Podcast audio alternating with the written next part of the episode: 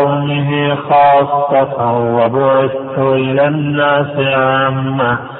متفق عليه. هذا الحديث عن جابر رضي الله عنه أن النبي صلى الله عليه وسلم قال أعطيت خمسا لم يعطهن أحد من الأنبياء قبلي هذه الخمس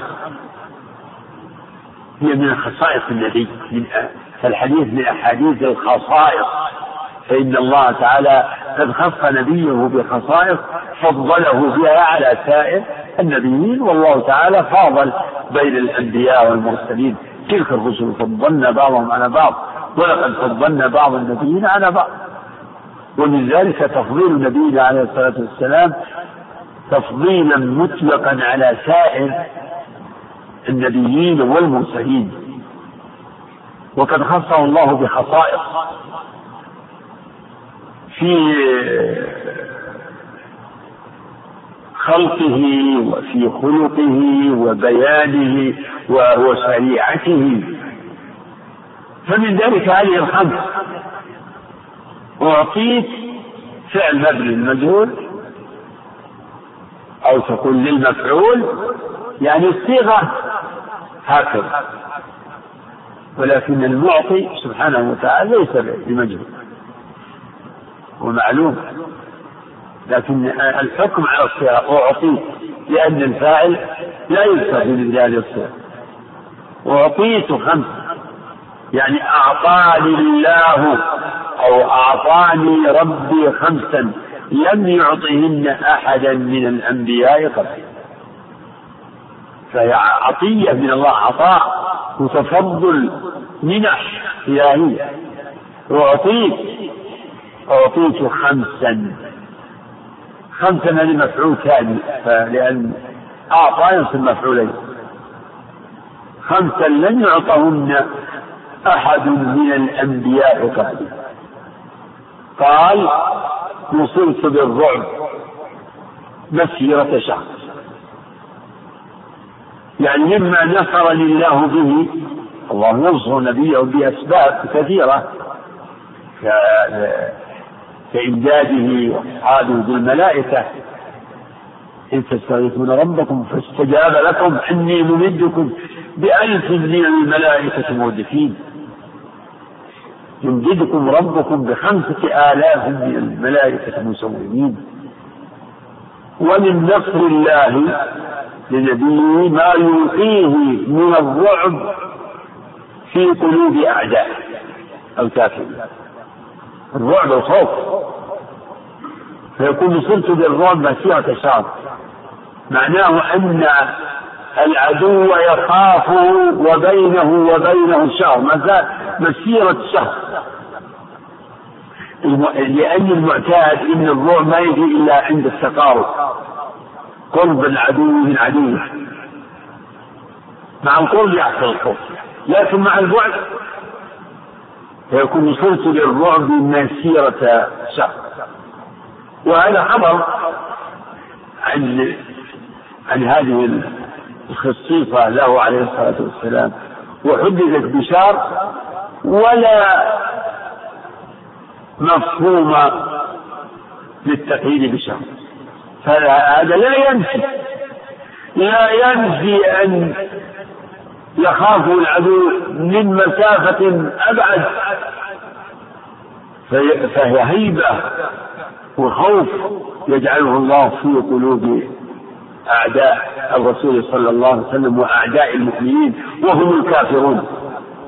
كفار المشركون يهود النصارى نصرت بالرعب مسيرة شهر وهذه الفضيلة له ولأمته بحسب اتباعه له عليه الصلاة والسلام. فكلما كانوا أتبع له كان خوف العدو منهم بحسب ذلك. ولهذا لما فرقت الدول الإسلامية بالإسلام وأضاعوا دين الله استدلهم العدو وسلط عليهم العدو وصاروا يخافون ولا يخافون. يخافون ويرهبون من دول الكفر. ولا يخاف ولا يخافهم دول لا نعم الكفار يخافون الآن من الإسلام. يخافون أن يظهر ويقوى الإسلام ويكثر أهله وتقوم له دولة مجاهدة. فهم يخافون من الإسلام ولهذا هم يحاربون الإسلام بشتى أنواع الحرب وأتاها وأخبثها وشرها الحرب المعنوية وهو ما قد يسمى بالغزو الفكري. وقد تهيأ لهم ذلك بما قدره الله من وسائل الحضارة ومن وسائل الإعلام المختلفة الباهرة التي استعملوها في الكيد للإسلام يعني بأنفسهم وبكثير من المنتسبين للإسلام من المنافقين والفاسقين.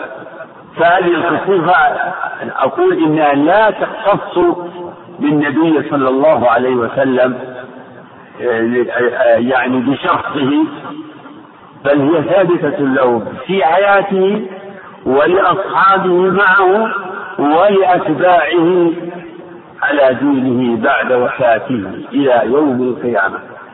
كما جاء في الحديث لا الصحيح لا تزال طائفة من أمتي على الحق ظاهرين لا يضرهم من خذلهم ولا من خالفهم حتى يأتي أمر الله تبارك وتعالى.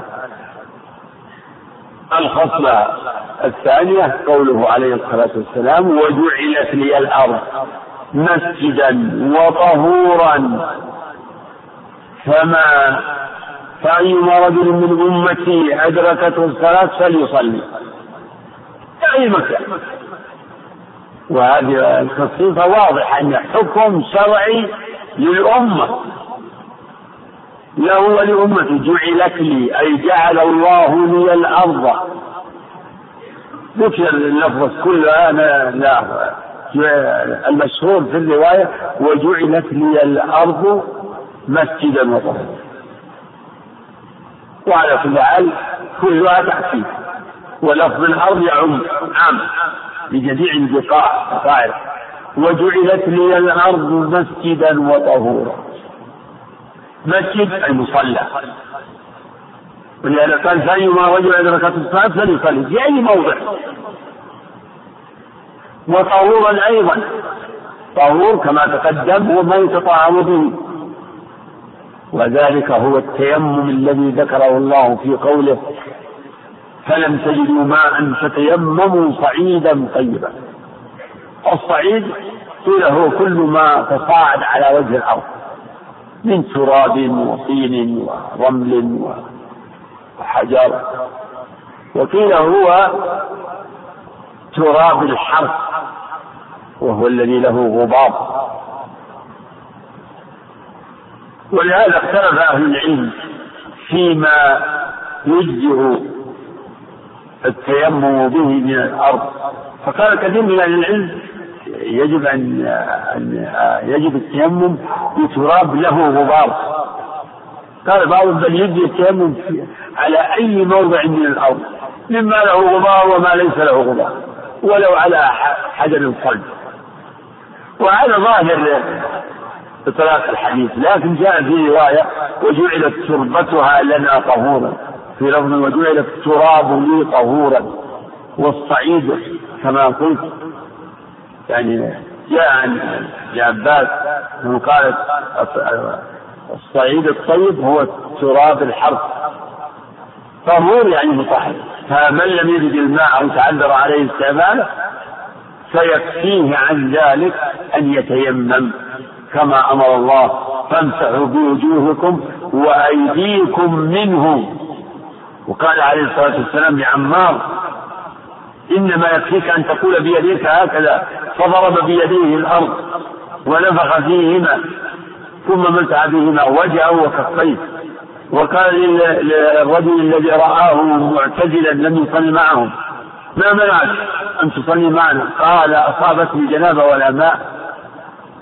فقال عليك بالصعيد فإنه يكفي ولا ريب أنه إذا تيسر التراب الذي له غبار فهو المتعين لكن لا, لا يطلب يعني نقله مع المسافر لأنه لم يكن النبي عليه الصلاة والسلام يأمر أصحابه بذلك. لكن التراب في الجملة على وجه الأرض ليسوا وجعلت لي الأرض مسجدا وطهورا. مسجدا وطهورا مثل من قبله. هي مفعول ثاني لجعل لأن جعل ينصب مفعولين. جعل الله الأرض لنا مسجدا وطهورا. قال عليه الصلاة والسلام فأيما رجل أدركته الصلاة يعني حضرت الصلاة يعني دخل عليه وقتها ولم يجد ماء لابد من هذا. فليصلي لأنه حينئذ لا مانع. المسجد موجود البقعة موجودة والطهور موجود. وجعلت لي الأرض مسجدا وطهورا. ولأهل العلم كلام. كثير في التيمم وحكم التيمم. ومن المهم هنا إن الصواب إن التيمم يكون مقام الماء عند عدمه أو تعدد استعماله فالطهارة بالتيمم كالطهارة بالماء إلى أن يوجد الماء ولا يتقيد بوقت يعني لا يشترط فيه دخول الوقت ولا ولا يقصد بخروج الوقت ومن تيمم لأي عبادة أجزاءه أن يفعل به ما شاء من فروض ونوافل هذا هو الصحيح. ومن أهل العلم أن يجعل الطهارة التيمم مقيدة ومضيقة.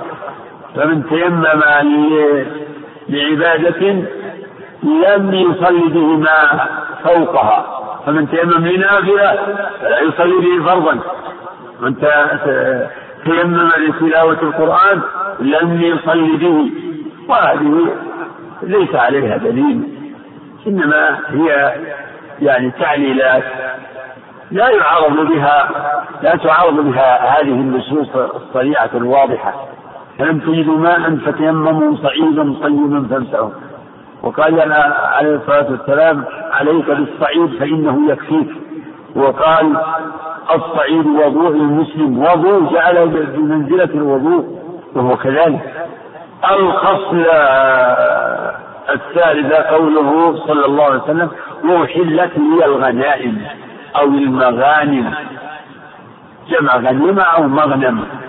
وغنائم هو ما حصل المسلمين من أموال الكفار بالقهر والقوة والقتال. فهذه هي الغنائم قال سبحانه وتعالى وقاتلوهم حتى وقاتلوهم حتى لا تكون فتنة ويكون الدين كله لله. فإن انتهوا فإن الله بما يعملون بصير. إلى قوله واعلموا أن ما غنمتم من شيء فأن لله خمسه الآية. أما ما ظهر به المسلمون من من أموال الكفار من غير قتال فهو الفيء المذكور في سورة الحشر. وما أفاء الله على رسوله منهم فما أوجدتم عليه من خيل ولا ركاب ولكن الله يسلط رسله على من يشاء والله على كل شيء قدير. فالرسول عليه الصلاة والسلام يخبر بأن الله خصه وأمته بحل الغنائم. وأحلت لي الغنائم. يعني أحل الله لي الغنائم.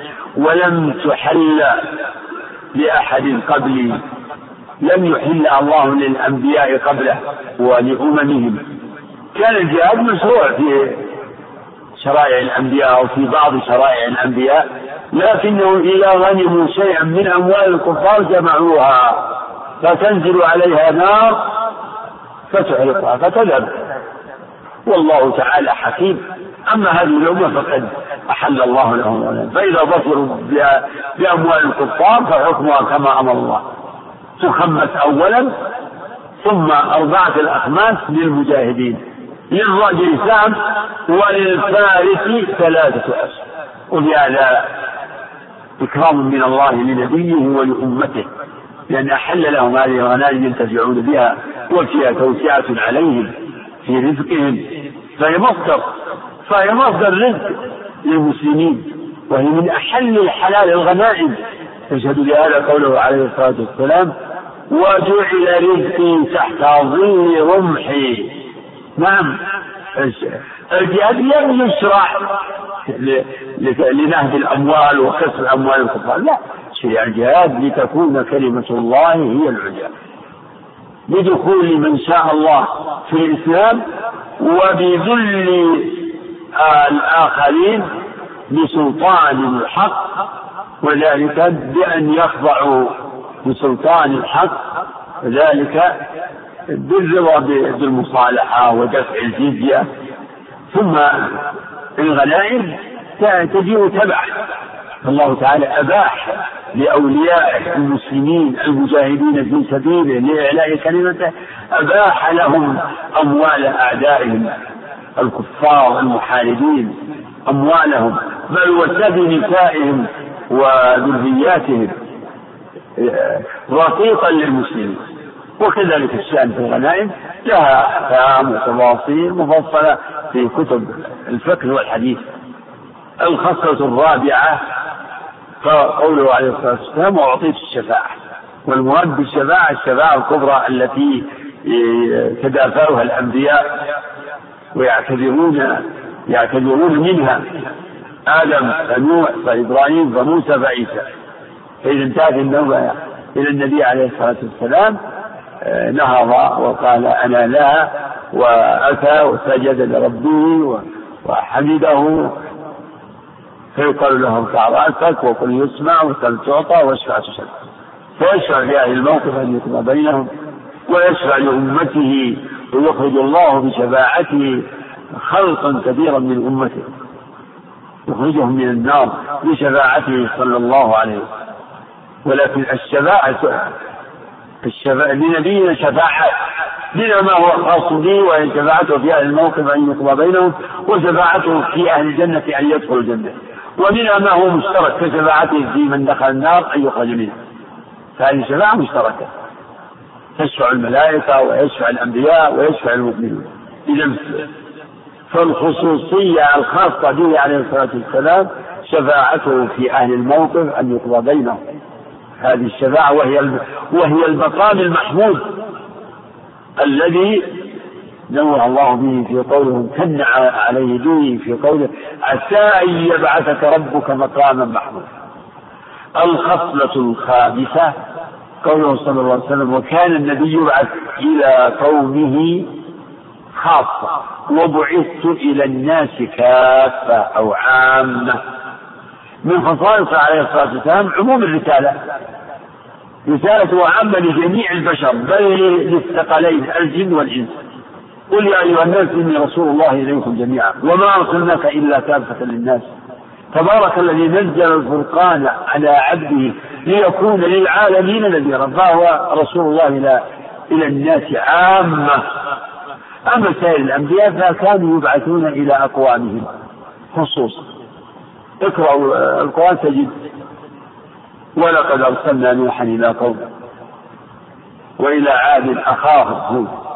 وإلى ثمود أخاهم صالح ولوطا إذ قال لقومه وإلى مدين أخاهم شعيبا كلهم إلى إلى أقوامهم يمكن يقال إن أنه ربما أرسل الرسول إلى غير قومه لكن ليس إلى جميع الناس. فموسى وهارون أرسلهما الله أول إرسال إلى فرعون. وإذ نادى ربك موسى أن ائت القوم الظالمين قوم فرعون ألا يتقون. وفي آيات كثيرة فيها التصريح بإرسال موسى وهارون إلى فرعون وقومه. ثم أرسلنا موسى وأخاه هارون بسلطان مبين إلى فرعون وملئه. وأرسله الله كذلك إلى بني إسرائيل. فهو فهما رسولان أعني موسى وهارون إلى فرعون وقومه ثم إلى بني إسرائيل. وكان من دعوتهما إرسال بني إسرائيل وترك بني إسرائيل ترك استعبادهم لأن بني إسرائيل كانوا مستعبدين لفرعون وقومه.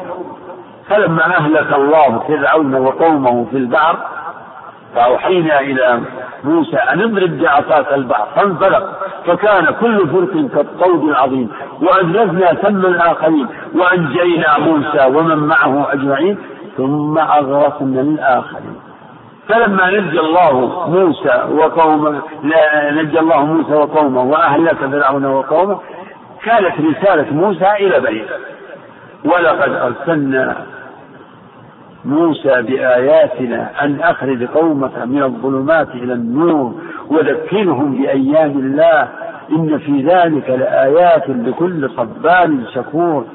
وإذ قال موسى لقومه اذكروا نعمة الله عليكم. إذ أنجاكم من آل فرعون يسومونكم. سوء العذاب ويذبحون أبناءكم ويستحيون نساءكم. وفي ذلكم بلاغ من ربكم عظيم. وإذ تأذن ربكم لئن شكرتم لأزيدنكم ولئن كفرتم إن عذابي لشديد. إذا قوله عليه الصلاة والسلام وكان النبي يبعث إلى قومه خاصة. يعني هذا في الأغلب في أغلب الأحوال وخاص منه موسى وهارون حيث أنهما أرسلا إلى فرعون وقومه. ففرعون وقومه ليسوا من قوم موسى. قوم موسى هم بني إسرائيل. ولهذا في مواضع من القرآن وإذ قال موسى لقومه وإذ قال موسى لقومه في سورة البقرة وفي سورة المائدة وفي سورة إبراهيم وفي سورة الصف. فرسالته عليه الصلاة والسلام عامة وباقية. أيضا من نبينا خصائص كثيرة أخرى منها أنه خاتم النبي. وجاء عليه الصلاة والسلام ذكر هذا وأنه من خصوصيته وأنه مما فضل على الأنبياء أن أنه ختم به النبيون ما كان محمد أبا أحد من رجالكم ولكن رسول الله وخاتم النبيين. هذه أيضا خصوصية تتعلق بنبوته فهو خاتم النبيين فهو رسول رسول الله إلى جميع العالمين وهو خاتم النبيين فشهادة أن محمد رسول الله لا بد أن تتضمن ذلك. شهادة أن محمد رسول الله لا بد أن تتضمن أنه رسول الله إلى جميع الناس وأنه لا نبي بعده. يعني لا يكون الإنسان محققا لحقيقة هذه الشهادة إلا بذلك. وأشهد أن محمدا رسول الله صلى الله عليه وسلم. رسول الله إلى إلى جميع الناس. منذ بعثه الله إلى يوم القيامة. هو رسول الله. منذ بعثه الله رسول الله إلى الناس كافة. منذ بعثه الله إلى يوم القيامة. فاليهود والنصارى من أمته من أمة الدعوة. فهم مدعوون بدعوته عليه الصلاة والسلام. كما صح عنه عليه الصلاة والسلام أنه قال والذي نفسي بيده لا يسمع بي أحد من هذه الأمة يهودي ولا نصراني ثم يموت ولم يؤمن بما جئت به إلا دخل النار. فلا إسلام إلا إلا الإسلام والشريعة التي جاء بها عليه الصلاة والسلام. نعم أتباع الأنبياء قبل بعثته هم كانوا على الإسلام. الأنبياء كلهم من أول لأن دين الإسلام لأن دين الله هو دين الإسلام. الذي هو دين الأولين والآخرين النبيين من أولهم وآخرهم لكن لما بعد عليه الصلاة والسلام صار الإسلام في خصوص ما جاء به. فرسالته ناسخة وشريعته ناسخة لسائر الشرائع. فلا يسع كما بين أهل العلم فلا يسع أحدا الخروج عما عن شريعته عليه الصلاة والسلام. وكل من تدين بغير ما جاء به فهو على دين باطل. داخل في عموم قل يا أيها الكافرون لا أعبد ما تعبدون إلى قوله لكم دينكم ولي دين نعم نقرأ الحديث الرابع وعن أبي هريرة رضي الله عنه قال أوصاني خليلي صلى الله عليه وسلم بثلاث صيام ثلاثة أيام من كل شهر وركعتي الضحى وأن أوتر قبل أن أنام متفق عليه. في الحديث يرويه أبو هريرة رضي الله عنه يقول أوصاني خليلي حبيبي الذي هو أحب الناس إلي فلا بأس أن يقول المسلم خليلي محمد صلى الله عليه وسلم. لكن النبي ليس له خليل من من أمته. لقوله عليه الصلاة والسلام لو كنت متخذا من أمتي خليلا لاتخذت أبا بكر خليلا. ولكن صاحبكم خليل الله. في الحديث الآخر اللفظ الآخر إن الله اتخذني خليلا كما اتخذ إبراهيم خليلا. يقول رضي الله عنه أوصاني خليلي صلى الله عليه وسلم يعني عهد إلي وأمرني بثلاث بثلاث بثلاثة أمور أو ثلاثة خصال. صيام ثلاثة أيام من كل شهر. وبركعتي الضحى وأن يوتر قبل أن أنام. أما الصيام ثلاثة أيام من كل شهر فقد جاء في فضلها أحاديث وأن صيام ثلاثة أيام من كل شهر يعدل صيام الدهر. وذلك أن الحسنة بعشر أمثالها. فكل يوم بعشرة أيام. وهذا خير كبير وفضل عظيم من الله تعالى. ينبغي للمسلم ألا يفرط فيه. والله تعالى قد شرع لعباده أنواع العبادات من صلاة وصيام وصدقة وجعل وجعلها نوعين منها ما هو فرض ومنها ما هو فالصلاة كذلك. خمس صلوات في كل يوم وليلة. مكتوبة على العباد. خمس صلوات كتبهن الله على عباده في كل يوم وليلة. شهر رمضان كتبه الله على العباد. كتب عليكم الصيام. وشرع لعباده من نوافل الصلوات ما يستكثرون به من الحسنات وما يكون جبرا لنقص الصلاة المفروضة. وهكذا الصوم وهكذا الصدقة. فمن نوافل الصيام صيام ثلاثة أيام من كل شهر. ومنها صيام ستة أيام من شوال بعد رمضان.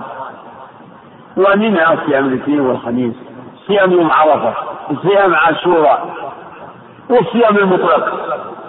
وأفضل الصيام صوم يوم وفطر يوم. يعني صيام نصف الزمان. هذا أفضل الصيام.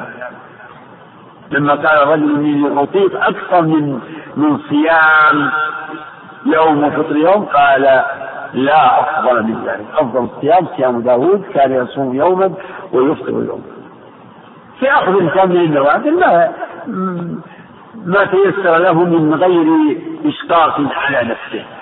صوم يوم من ذلك صيام هذه الأيام. صيام ثلاثة أيام من كل شهر. وهذا الإطلاق يقتضي أن صيامها سواء كان أول الشهر أو آخره متتابعة أو متفرقة هذا هو موجب الإسلام. صيام ثلاثة أيام. من صام في أولها أو آخرها أو متتابعة أو متفرقة صح أنه صام ثلاثة أيام. و... ولكن ورد ما يدل على اختيار الثالث عشر والرابع عشر والخامس عشر من الشهر وهي ما تعرف بأيام البيت. فإذا تيسر الصيام في هذه الأيام كان أفضل. وإلا ففي أي وقت من الشهر خاصة الثانية ركعتا الضحى. يقول وركعتين أركعهما من الضحى أو ركعتي الضحى. فمما أوصى به النبي عليه الصلاة والسلام أبا هريرة ركعتي الضحى. وهذا يقتضي المداومة المداومة عليها. لأنه أوصاه بذلك وصية مطلقة. فلا مانع من المداومة عليه. وورد ما يؤكد ذلك كحديث يصبح على كل سلامة من الناس صدقة. كل يوم تطلع في الشمس تعدل بين اثنين صدقة وتعين الرجل في دابته فتحمله عليها أو ترفع له عليها متاعه صدقة. إلى قوله ويجزئ عن ذلك ركعتان تركعهما من الضحى. ولكن اختلفت الأحاديث في صلاة النبي صلى الله عليه وسلم في صلاة الضحى ففي بعضها أنه لم يكن يصلي وفي بعضها أنه صلاها فأخذ من مجموع الأحاديث أنه كان يصليها لكنه لا يداوم عليه.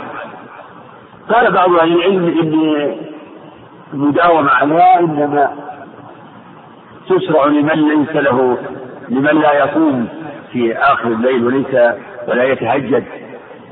وأبو هريرة كان يوتر أول الليل كما أوصاه النبي عليه الصلاة والسلام أوصاه بأن يوتر أول الليل. مع أنه عليه الصلاة والسلام قال اجعلوا آخر صلاتكم بالليل وترا.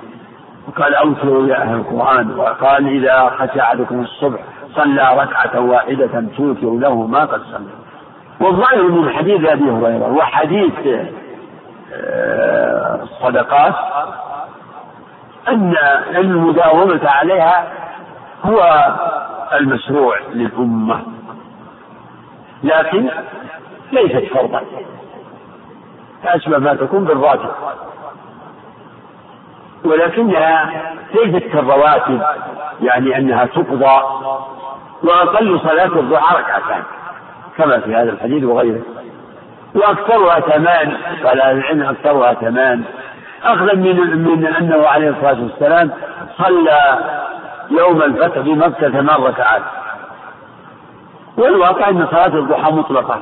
صلي ركعتين أو أكثر. والصلاة مشهودة منذ ارتفاع الشمس إلى أن يقوم قائما ظاهرا والأمر الثالث قوله عليه الصلاة والسلام قوله رضي الله عنه وأن أوتر قبل أن أنام. أوصاه بأن يوتر قبل أن ينام. وذلك أنه يظهر من حاله أنه لا يأمن من عدم من عدم القيام لا يثق أن يقوم آخر الليل. فأوصاه بأن يوتر قبل قبل أن ينام. ولهذا فصل أهل العلم. عملا بمجموع الأحاديث. فقالوا من وثق بأنه يقوم آخر الليل فلا يوتر إلا آخر الليل ليختم بوتره صلاته ليختم صلاته بالوتر كما قال عليه الصلاة والسلام اجعلوا آخر صلاتكم بالليل وترا. ومن لم يثق أن يقوم فليوتر قبل أن ينام حتى لا يضيع عليه الوتر. فإن أعانه الله واستيقظ وقام من آخر الليل صلى ما تيسر ولو كان قد أوتر. ولا يوتر مرة أخرى لحديث لا وتران في ليلة. اشتمل هذا الحديث على هذه الخصال آه، بالنوافل الأعمال وأما الوتر فهو سنة مؤكدة ولها فضل فهي آكد النوافل. الوتر ما ورد من من الأمر به والترغيب فيه كقوله عليه الصلاة والسلام إن الله أمدكم بصلاة هي خير لكم من حمر النعم الوتر. ما بين صلاة العشاء إلى طلوع الفجر. هذا وقت. من بعد صلاة العشاء إلى طلوع الفجر. هذا وقت. كله وقت للوتر. وتقول عائشة رضي الله عنها من كل الليل أوتر النبي عليه الصلاة والسلام. من أوله؟ ومن وسطه ومن آخره. ففي أي وقت من الليل أوتر؟ صح وأجزأ وفعل المشروع. ثم هنا أصل من أصول الشريعة وهي أن وصية النبي وأمر النبي لواحد من الأمة هو وصية لكل الأمة. هذا أصل. فهذه الوصية ليست مختصة بأبي هريرة هي وصايا للأمة كلها ولهذا بلغها رضي الله عنه. فلا يختص أحد بشيء من الأحكام إلا بالدليل. والرسول صلى الله عليه وسلم الأصل عنده أسوة أمته إلا ما خصه الدليل. فهذا أصل من أصول الأحكام. أن حكم النبي على واحد كحكمه على الكل. وصية وأمر لواحد هو وصية وأمر للجميع فضيلة الشيخ يسأل عن المسافة إيش؟ يسأل عن المسافة التي تقصر فيها الصلاة وتجمع فيها. المسافة التي تقصر فيها الصلاة فيها خلاف كبير من مسائل الخلاف الواسع، لكن آه، قول الجمهور أن المسافة 80 كيلو، يعني أربعة قرب كما جاء عن ابن عباس وغيره أربعة برد والبريد أربعة فراسخ والفرسخ ثلاثة أميال والميل كيلوين تقريبا أو إلا ثلث. ولهذا آه، حسبها العلماء المعاصرون فوجدوها تقرب من 80 كيلو. فمن من يخرج يقصد بلدا هل تحدده البلد؟ لا بدون. البلد الغاية المقصودة تعدد 80 ولا 100 ولا 200 ولا 500 لكن من يخرج لنحو نزهة فليس له أن يتعمد أن يسافر. ويتعمد أن يتجاوز ثمانين من أجل أن يقصر لا. لكن إذا كانت غايته ومطلبه في في خروجه هذا يتجاوز أو هو بعد هذه المسافة فيقصر لكن لا يتعمد أن أن يقطع هذه المسافة ويقول نريد أن نخرج أكثر من 80 حتى نقصر سواء كان قولا أو أو قصدا ونية. هذا هو الجواب والله أعلم.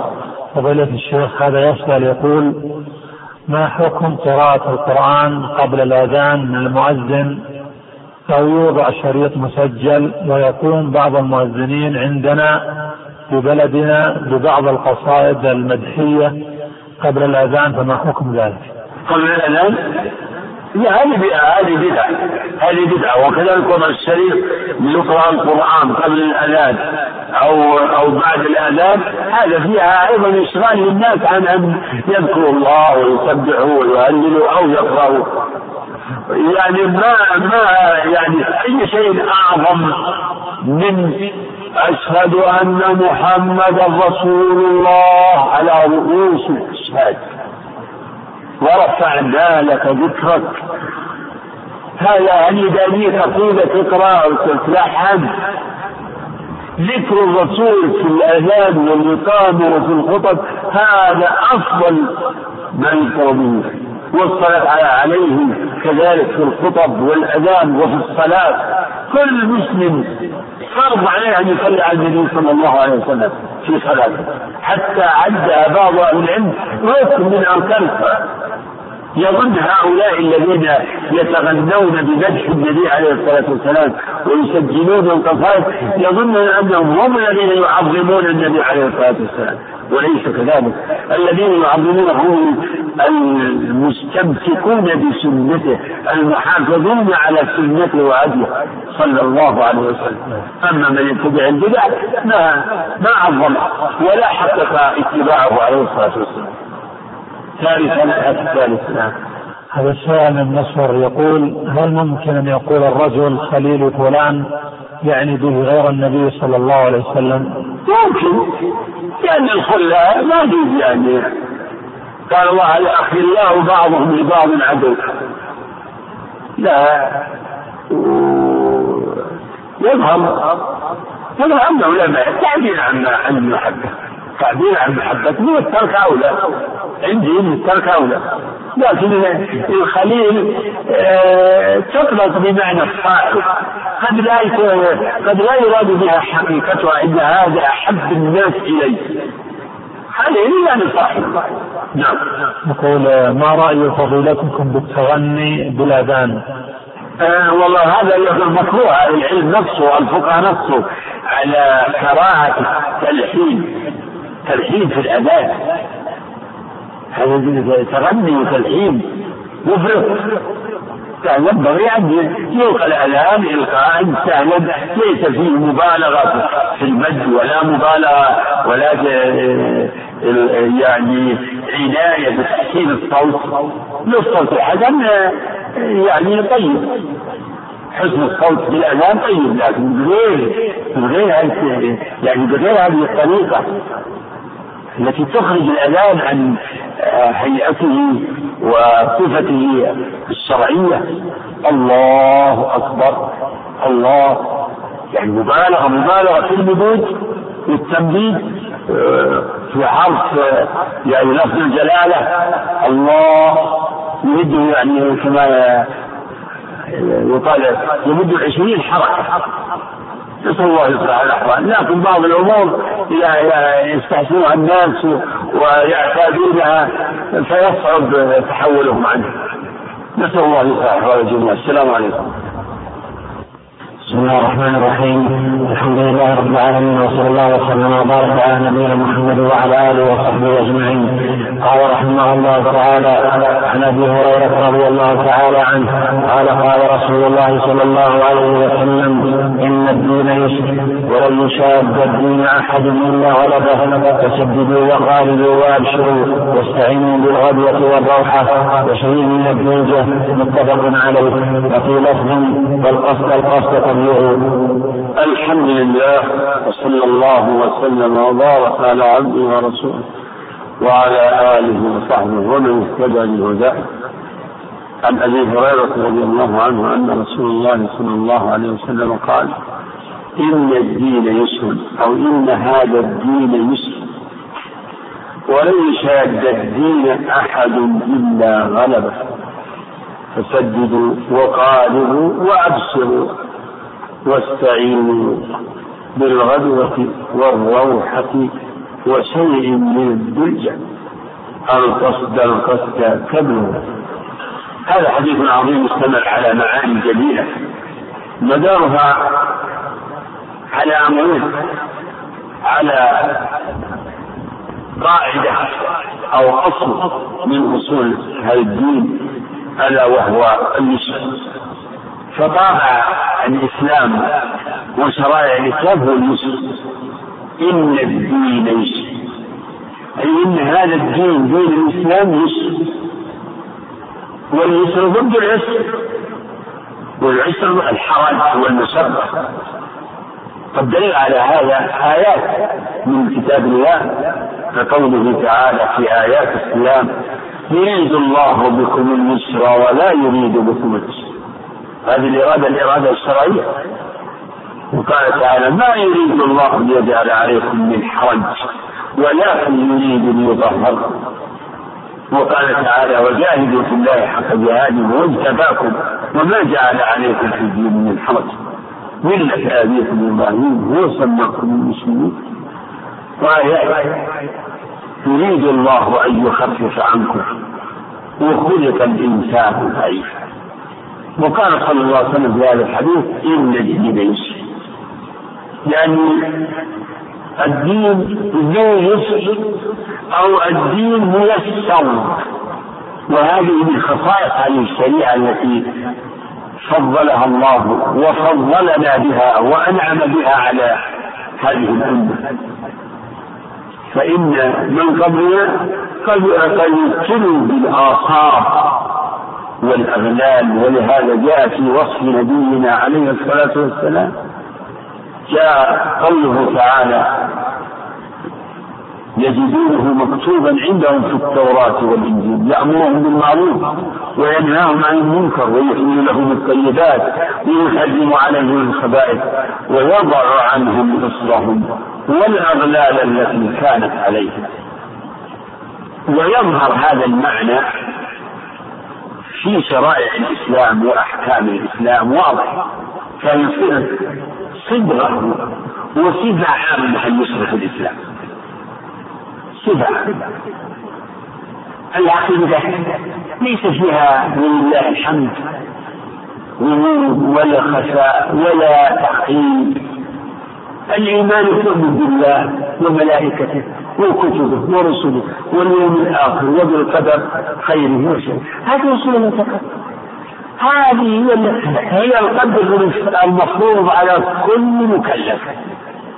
فرض عين تؤمن بالله وملائكته وكتبه ورسله واليوم الآخر وبالقدر خيره وشره التوحيد الذي هو أصل الدين حقيقته إفراد الله بالعباد تخصيصه بالعباد.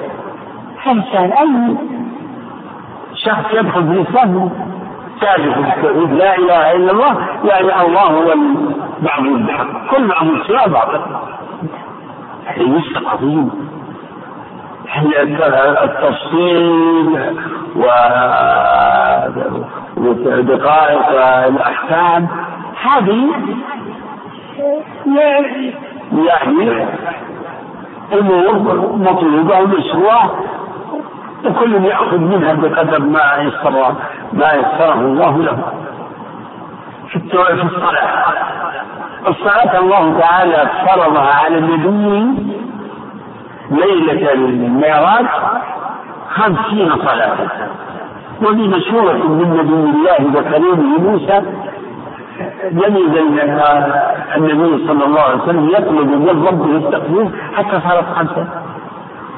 ومع ذلك إليه سبحانه هو الذي ألقى في روع موسى أن يشير على محمد صلى الله عليه وسلم. فلم يزل يطلب من ربه صار خمس صلوات موزع على أوقات. لها هذا التوزيع على الأوقات لها له معنى؟ يعني في أوقات الانتقالات في ساعات في ساعات الليل والنهار عند طلوع الفجر. هذه هذه مثلة عند الزوال قبل قبل الليل العصر. وقت أن تجي الغروب وقت الاختيار ووقت الضوء بعد الغروب قبل وقت النوم بلطف الله ما جعل صلاة العشاء يعني مفروضة في وسط الليل يحتاج الناس إلى أن يقوموا لها. لا. قريبا فهذا مظهر من شرع فيها يسر أحكامه وتفسير ذلك واسع. جعل من شروطها الطهارة. طهارة بالله إذا لم يوجد إكمال التراب التراب موجود. فتيمموا صعيدا طيبا هذا من رخصة تيسير صل قائما. فإن لم تستطع فقاعدا. فإن لم تستطع فعلى ما في هذا. وزيادة على هذا إذا عجز الإنسان عن الطهارتين يصلي. بحسب حاله يصلي ولو لم يتوضأ ولو لم يتيمم بحسب حاله. وشرع ما يعين عليها. كصلاة الجماعة. لأن صلاة الجماعة هو ممن يعين على إقامة الصلاة. وهذا وإن كان هو مختص بالرجال لكن لا شك أن لأن حضور المسلم جماعة ممن يعينه ويقويه ويشجعه يعني من عنده شيء إيماني لا يهنأ ولا يطيب له أن يتخلف وهو يرى الناس يبادرون إلى بيوت الله ويصلون. الذي يرضى بالتخلف ولا يعمى بصلاة الجماعة هذا في إيمانه نقص شديد. يتنافسون يتسابقون على الصلاة والرسول يرغب من من من جوانب التيسير أيضا الترغيب ما جاء في النصوص من الترغيب صلاة الجماعة أفضل من صلاة المغرب ب 27 ضعفا لا يشهد في هذا إلا محروم نعوذ بالله من الحلمان حتى ولو قيل بأنه سنة فقط. مع أن الصواب أن صلاة الجماعة في المسجد واجبة. فرض. انت الصدقة من قدر الواجب. أو أن الزكاة لا تجد في كل شيء. تجد في أموال محددة. مخصوصة ثم إنها تجد في مقادير معينة ألا وهي النصب. نصاب كذا نصاب كذا نصاب آه، الإبل والبقر والغنم ونصاب الذهب والفضة فلا تجد في أي مقدار من المال. ثم ما ما مقدار الواجب؟ سبحان الله. مقدار الواجب الإذن تفصيل لعله يأتي له مناسبة. في حديث سيأتي. في الغنم والإبل كذا؟ لكن في الذهب ربع العشر في الفضة في النقد. الورق. قائم مقامهما ربع العشر اثنان ونصف المية واحد من أربعين. ومما رزقناهم. ولم يقل سبحانه وتعالى وينفقون ما رزقناهم. وما رزقناهم ينفقون لا مما رزقناهم لا يكلف الله نفسا إلا وسعها. وضع العشر يسير. ثم هذا اليسير مردود على الإنسان. هو قرض قرض مردود بأضعاف. من من ذا الذي يقرض الله قرضا حسنا؟ فيضاعفه له اضعافا كثيرة. أضعاف كثيرة. الصيام. لم يفرض الله على عباده الصيام شهر في السنة. هذا تيسير ولهذا قال سبحانه وتعالى في آيات الصيام كتب عليكم الصيام إلى قول أيام معدودات. كلمة أيام معدودات تشعر بالقلة. ومن ثلاثين من ثلاثمائة وستين قليلة عشر الزمان أقل من عشر الزمان ومن رسول الله أن جعل الصيام يسر يعني في تيسيرات كثيرة الذين يباح لهم الفطر. يباح لهم الفطر. المريض المسافر الحامل المرضى الحائض النفساء يجب عليهم الفطر إفطار الشيخ كبير والمرأة كبيرة. هذه جوانب تيسير كلها يظهر فيها لأن هذا كله يكون شرحا لهذا الإجمال هذه الجملة. إن الدين يسر يعتبر ذلك وفي نفس الآيات قال الله يريد الله بكم اليسر ولا يريد بكم اليسر ويعتبر ذلك في الحج.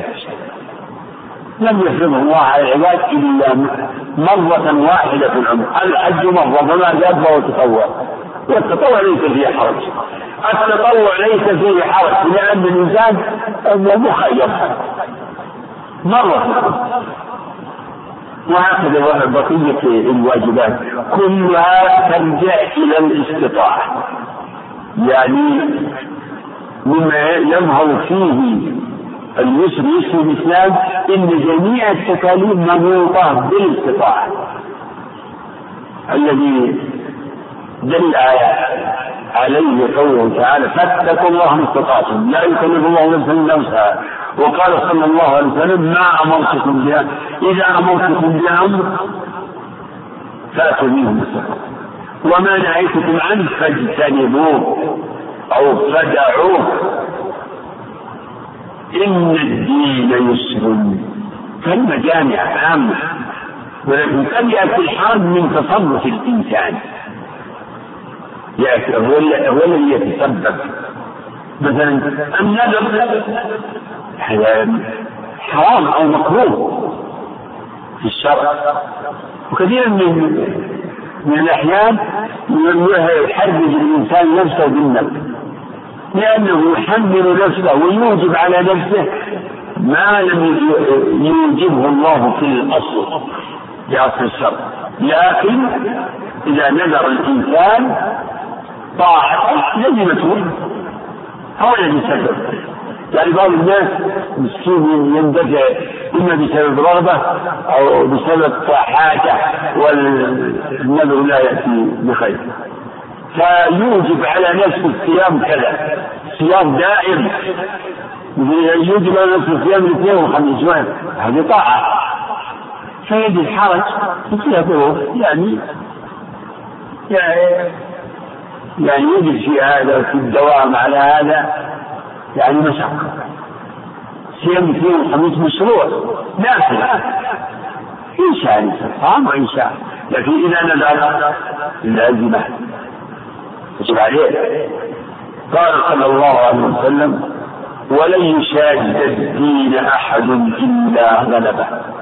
يعني من تكلف باسم العبادة وباسم الدين وشق على نفسه فإنه لابد أن أن أن يضعف ويعجز من يحمل نفسه صيام الدهر أو قيام الليل مثل ما هم بعض الصحابة أن يفعلوا ذلك لما سألوا عن حال النبي صلى الله عليه وسلم في عمله في بيته سألوا عن عمل في بيته فكان انتقاله عمل. وقالوا أين نحن من رسول الله صلى الله عليه وسلم؟ فقال بعضهم يعني أصوم ولا أفطر آخر يقول أنا أقوم ولا أنام والآخر يقول أنا لا أتزوج النساء. فالرسول عليه الصلاة والسلام أنكر عليهم وخطب وقال ما بال أقوام؟ يقول كذا وكذا. إني أصوم وأفطر وأقوم وأنام وأتزوج النساء فمن رغب عن سنتي فليس وقال صلى الله عليه وسلم اكلفوا من العمل ما تطيقون فإن الله لا يمل حتى تمل الإنسان يأخذ يعني أمره الشيء الذي يتيسر له وتسمع به نفسه ويؤدي بيسر وسهولة ولهذا قال يسر ويسر ومن مشاهدة الدين أن لا يأخذ الإنسان بالرخص. كل عزيمة عزيمة ويأبى الرخصة وفي الحديث الصحيح إن الله يحب أن تؤتى رخصه كما يكره أن تؤتى معصيته وفي أمر كما يحب أن تؤتى عباده. بعض المرضى ما يحب يكتب عليه المرض والسياق بعض المسافرين لا يفتح مع ما يحصل لهم من مشقة كل هذا من مشادة الدين. فإذا كان يعني سلك الإنسان هذا المسلك فقد يعني خالف ما يحبه الله. يعني بحجة أو بشبهة يعني زيادة التقرب. ولعل قوله صلى الله عليه وسلم إن الله لا يمل فإن الله لا يمل حتى تملوا. هل يستغني عن الناس كثيرا؟ بين حين وآخر. من أهل العلم أن يقول إنه لا يدل على إثبات الملل لأن هذا الترتيب وهذا الأسلوب لا يدل على ثبوت الوصف. يشبهونه بقول القائل إن فلان لا لا تنقطع حجته حتى ينقطع حصره وقد يقال إنه يدل على إثبات الملل على ما يليق به سبحانه وتعالى وهو يتضمن الكراهه فالله يحب العباد أن يعبدوه وأن يعملوا الصالحات ما لم يشقوا عن أنفسهم ويكلفوا أنفسهم ما لا يطيقون فحينئذ الله لا يحل منهم ذلك. ولهذا في نفس الحديث اكلفوا من العمل ما شئت فالله يحب من عباده العمل ما لم يحرج نفسه ويشق على نفسه. فإنه حينئذ يكون يعني عمله ذلك مكروها له سبحانه وتعالى. ولن يشاد الدين أحد إلا غلبه قال فسددوا وقاربوا وأبشروا سددوا وقاربوا وأبشروا سددوا يعني خذوا بالسداد والصواب. السداد هو الصواب كما جاء في الدعاء الذي أرشد إليه النبي صلى الله عليه وسلم. وهو أن يقول العبد اللهم إني أسألك الهدى والسداد. اللهم إني أسألك الهدى والسداد. فالهدى كالهدى في الطريق. الهداية إلى الطريق. والسداد كسداد السام وهو الإصابة. سددوا وقاربوا. إذا لم إذا لم يتهيأ الإنسان مثلا من إصابة الصواب فليقارب. ولعل هذا يرجع إلى قوله سبحانه فاتقوا الله ما سددوا وقاربوا. يجتهد الإنسان في معرفة الحق والقيام به.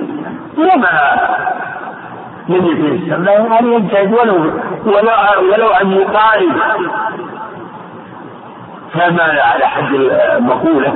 ما لا يترك كله ما لا يدرك كله. لا يترك كله بل يفعل العبد من الخير ما تيسر له وأبشر الله بشارة لعموم المجتهدين. أبشر الله سبحانه وتعالى غفور رحيم كريم آه، يضاعف لعباده الحسنات. إن الله لا يظلم مثقال ذرة وإن تك حسنة يضاعفها. فضل الله عظيم. كرم يضاعف الحسنات ويمحو السيئات ويغفر للعباد هو أهل التقوى وأهل المغفرة سبحانه وتعالى. يعني بشارة أبشروا.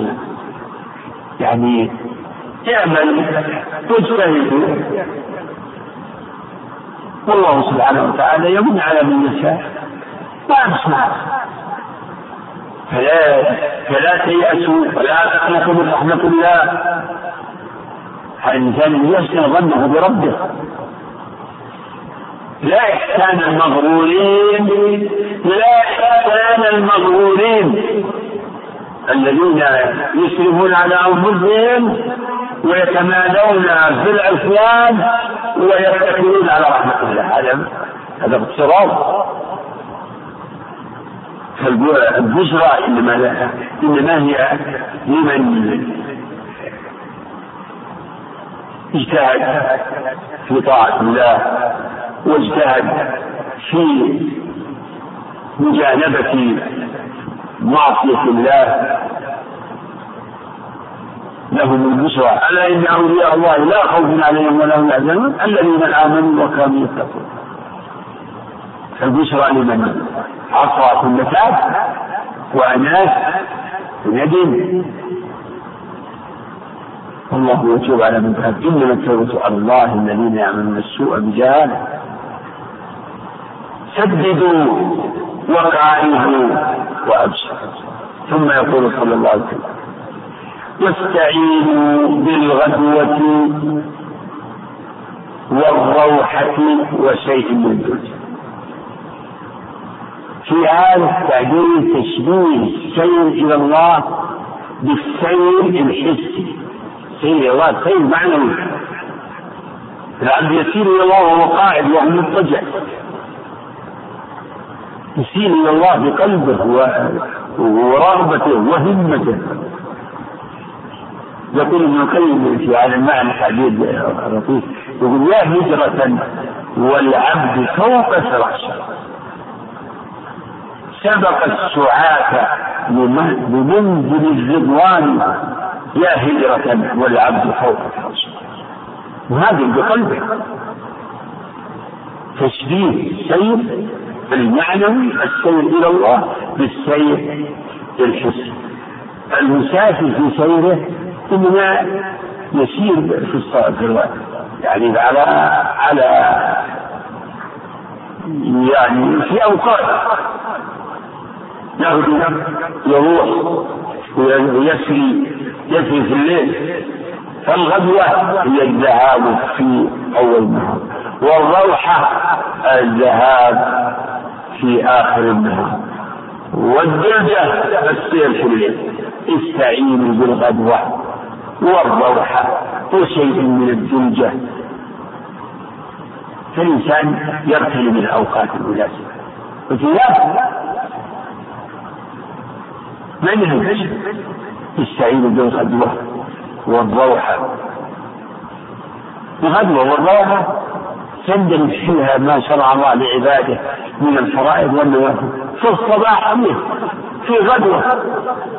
لا غدوة صلاة الفجر. هذا أول الغدوة.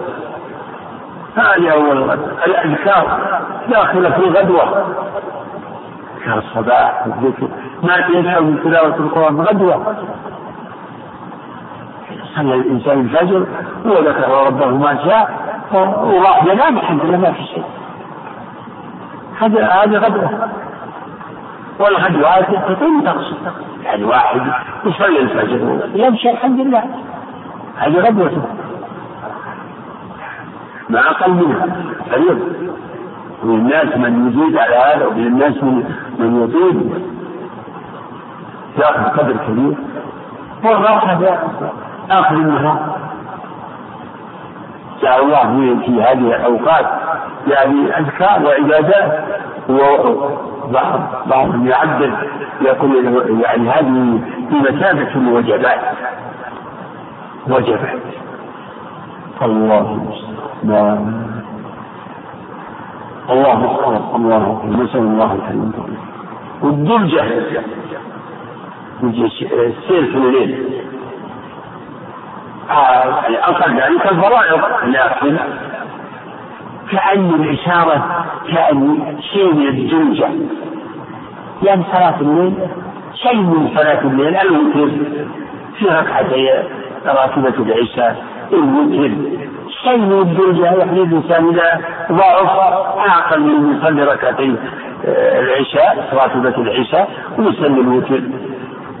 يعني أعقل أعقل شيء ركعة أعقل شيء. من الذي يعني يقنع. صل ثلاث. ثم بعد ذلك الباب باب الفضل واسع ومفتوح. صلاة الليل مثنى مثنى صلاة الليل مثنى مثنى فإذا خشي أحدكم الصوم صلى ركعة واحدة يغفر الله ما استعينوا بالغدوة والروحة يعني استشعار السير هذا مهم السير الإنسان في هذه الحياة مسافر.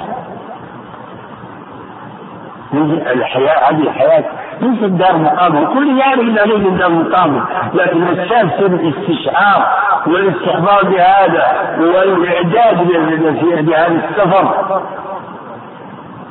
أخذ الجاب وفي الرواية الأخرى القصد القصد تبلغه القصد القصد. القصد القصد. هذا يعني اسم آه، يعني مفعول منصوب بالفعل محذوف. يعني الزم القصد. القصد يعني الاتصال التوسط فلا إفراط ولا تفريط.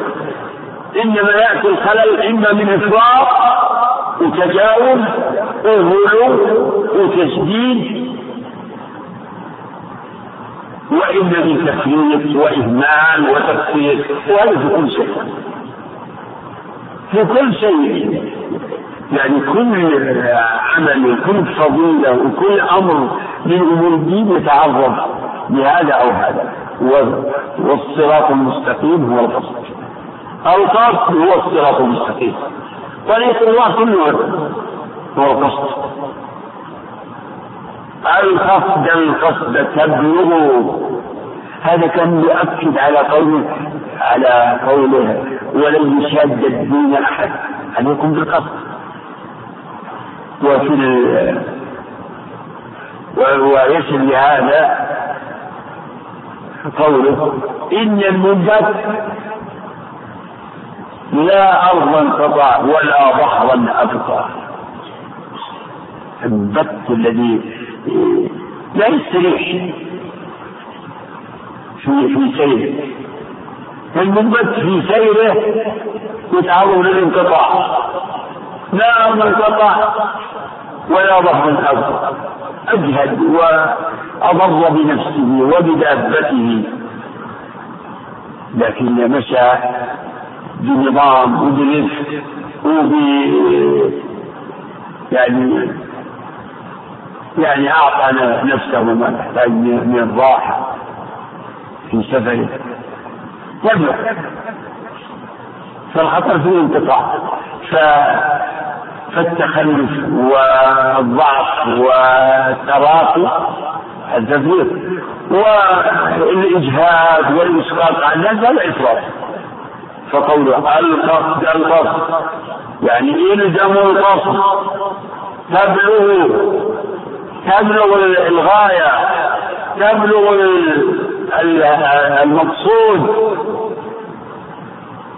فهذا الحديث تضمن كما قلت. يعني أصلين. الأول أصل اليسر تضمن